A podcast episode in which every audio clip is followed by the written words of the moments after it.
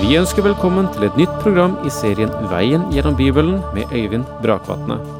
Denne studieserien er produsert av P7 Kristen Riksradio og bygger på serien Through the Bible av Vernon McGee. I dag fortsetter vi med profeten Malaki.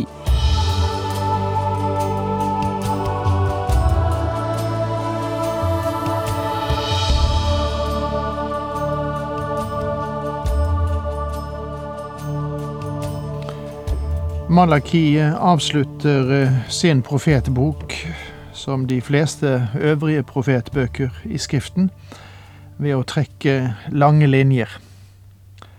Ved å se Israels historie, og også verdens historie, i perspektiv. Og her mot uh, uh, slutten av det fjerde kapittel, altså siste kapittelet i boken, der um, gir han profetier om Herrens dag og om rettferdighetens sol. Vi kom så langt eh, sist at eh, det ble vitnet om den eh, det, det, forvarsel som, som Gud sender, nemlig den profeten Elia, som han kalles her, før Herrens dag kommer, den store og skremmende. Og um, Johannes døperen eh, var ikke den hele og fulle oppfyllelse av denne profetien, fordi han forkynte Messias verdens frelser. Men eh, profeten Elia som er ett av to vitner ifølge Åpenbaringen 11, eh, skal komme i de siste dager.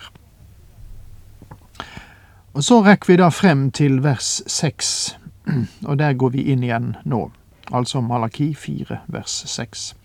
Han, nemlig Elia, skal vende fedrenes hjerter til barna og barnas hjerter til fedrene, så jeg ikke skal komme og slå landet med bann. Det siste ordet i Det gamle testamentet er bann eller forbannelse. Den kom da Adam og Eva var i Edens hage og var ulydige mot Gud.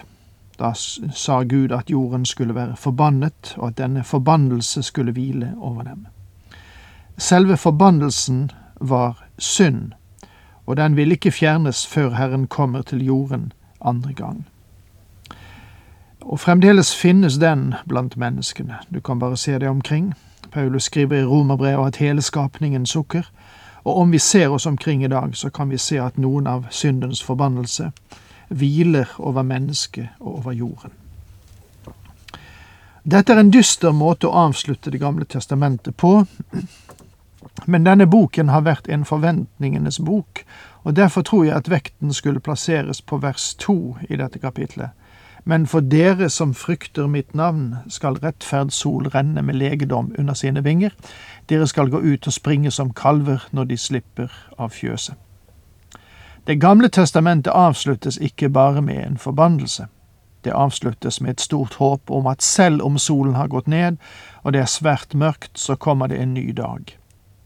Vi lever nå i syndens natt, og verden ligger i det onde, men det kommer en dag når rettferdighetens sol skal gå opp, og åndelig lys skal bryte frem over den planeten.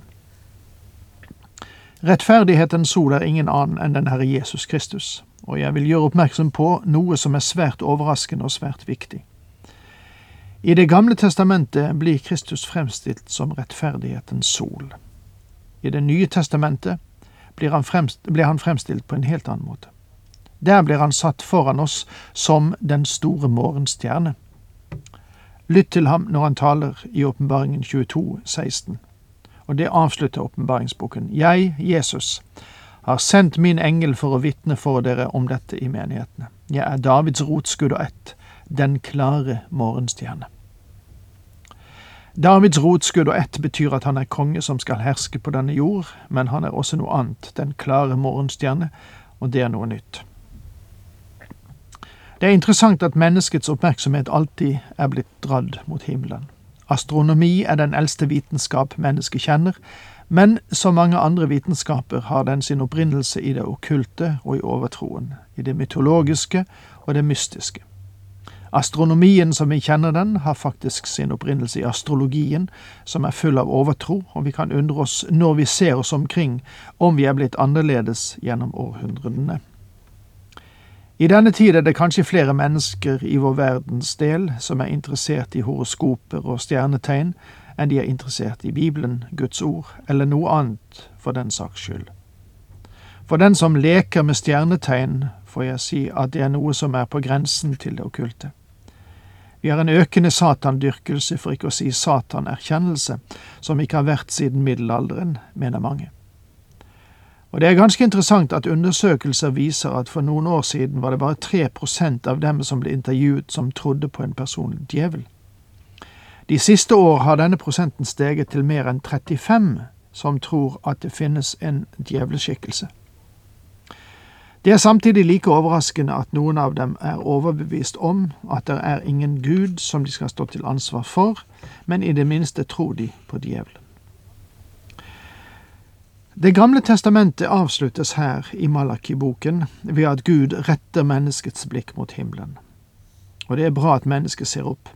Malaki avslutter med en kraftig setning, så jeg ikke skal komme og slå landet med bann. Og sceneteppet går ned før menneskets historie er forbi. Mørket slutter seg tettere om mennesket, men skuespillet er ikke over. Her møter vi de gode og de onde. De gode har ikke vunnet ennå. Gud sier, se opp mot himmelen, ikke glem det. Det er viktig at du ser, min venn. Han sier, men for dere som frykter mitt navn, skal rettferds sol eh, gå opp eller renne med legedom under sine vinger. Dere skal gå ut og springe som kalver når de slipper av fjøset. Dette er et løfte om solrenning. Det gamle testamentet er forventning. På et vis er den det mest skuffende bok i verden om den plasseres for seg selv men den peker mot himmelen når den taler om den Herre Jesus Kristus, rettferdighetens sol.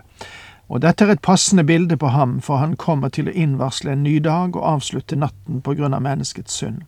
Herrens dag kommer, og hans rike skal opprettes på jorden. Gud ble kalt sol gjennom hele Det gamle testamentet. Lytt til Salme 84, for eksempel. For Herren vår Gud er sol og skjold. Herren gir nåde og ære. Den som er redelig i sin ferd, nekter han ikke noe godt. Så leser vi videre i Jesaja 60 vers 19. Da trenger du ikke mer solens lys om dagen eller månens lys om natten, for Herren skal være ditt lys for evig, din Gud skal være din herlighet. Hvilket bilde vi har av ham i Det gamle testamentet.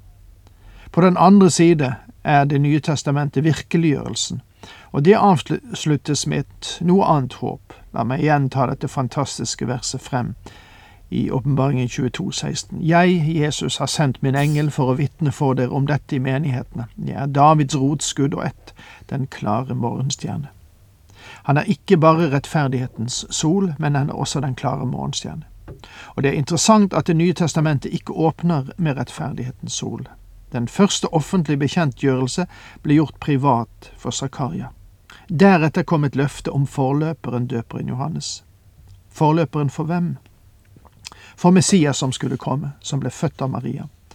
Vismenn kom til Jerusalem for å søke. Hva? De sa, Hvor er den jødenes konge som nå er født? Vi har sett hans stjerne i Østen, og vi er kommet for å tilbe ham, som det står i Matteus 2, vers 2. For jeg bare skyter inn at dette ikke er en østlig stjerne. Hadde de sett en østlig stjerne, ville de ha endt i Kina. De vismenn i øst, da vismenn i øst så stjernen, så var stjernen i vest, og de kom i den retningen. Er det ikke interessant at solen går opp i øst, mens stjernen var i vest? Hvordan har det seg at de vise menn knyttet Kristi komme til en stjerne? Langt tilbake i Fjerde Mosebok kom profeten Biliam i det østlige Moab med denne profeti. Jeg ser ham, men ikke nå, jeg skuer ham, men ikke nær. En stjerne stiger opp fra Jakob.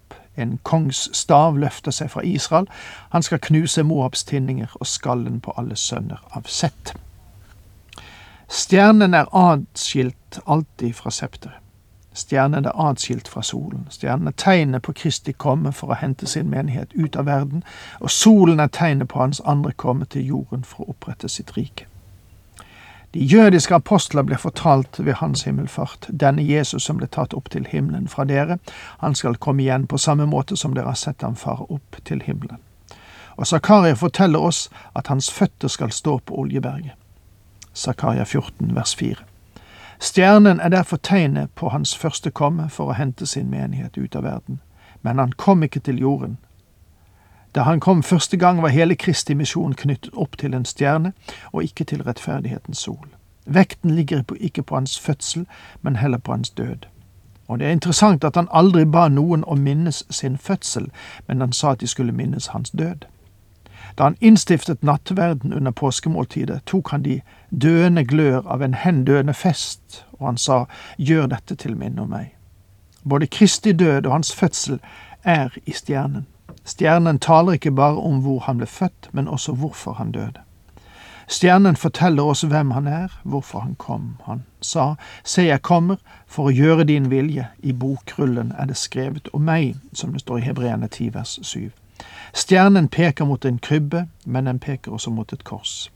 Den taler om det faktum at han kom for å bære mine synder og dine på korset. Er det håp for fremtiden? Å, min venn, den klare morgenstjerne ser du før solen kommer opp. Morgenstjernen viser seg først, og deretter kommer solen. Så vi venter på at morgenstjernen skal vise seg. Han er den klare morgenstjerne for menigheten i dag, og det er det viktig å se. Peter taler om ham på denne måten.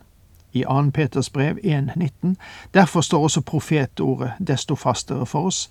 Dette ord bør dere ha for øye, for det er lik en lampe som lyser på et mørkt sted, inntil dagen gryr og morgenstjernen går opp i deres hjerter. Denne stjernen taler om menighetens bortrykkelse da han hentet sitt folk ut av verden. Denne bortrykkelse kan finne sted ethvert øyeblikk, for det er ingen spesielle tegn for den. Dagen kommer da morgenstjernen skal vise seg, og han skal hente sin menighet. Det vil være signalet som forteller at solen vil komme ganske snart. Denne sol er ingen annen enn rettferdighetens sol, den Herre Jesus Kristus. Og nå forlater vi Det gamle testamentet, der håpet er at eh, Kristus skal komme til jord for å opprette sitt rike. Men i Det nye testamentet bør vi være lik de vismenn som så etter morgenstjernen. Fremdeles skal vi se etter morgenstjernen som viser seg når han vil hente sin menighet ut fra verden. Og dermed, mine venner, er vi ikke bare ferdig med profeten Malaki. Malaki betyr jo egentlig budbæreren, eller din budbærer. Vi har eh, fått budskapet fra denne budbærer. Men samtidig er dette også slutten på Det gamle testamentet. Det opptrer 400 års taushet før lyset bryter inn igjen, og vi kommer til Det nye testamentet. Så nå får vi takke hverandre for ferden gjennom Det gamle testamentet. Og ennå har vi en del igjen av det nye, og det kommer vi tilbake til. Takk for nå. Herren med deg.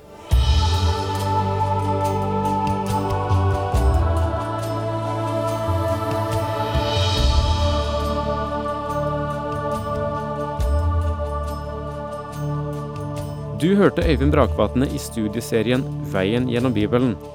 Serien bygger på et manus av Vern McGee. Har du spørsmål eller kommentarer til programmet, kan du sende en e-post til vgb krøllalfa p7.no. Takk for i dag, og på gjenhør.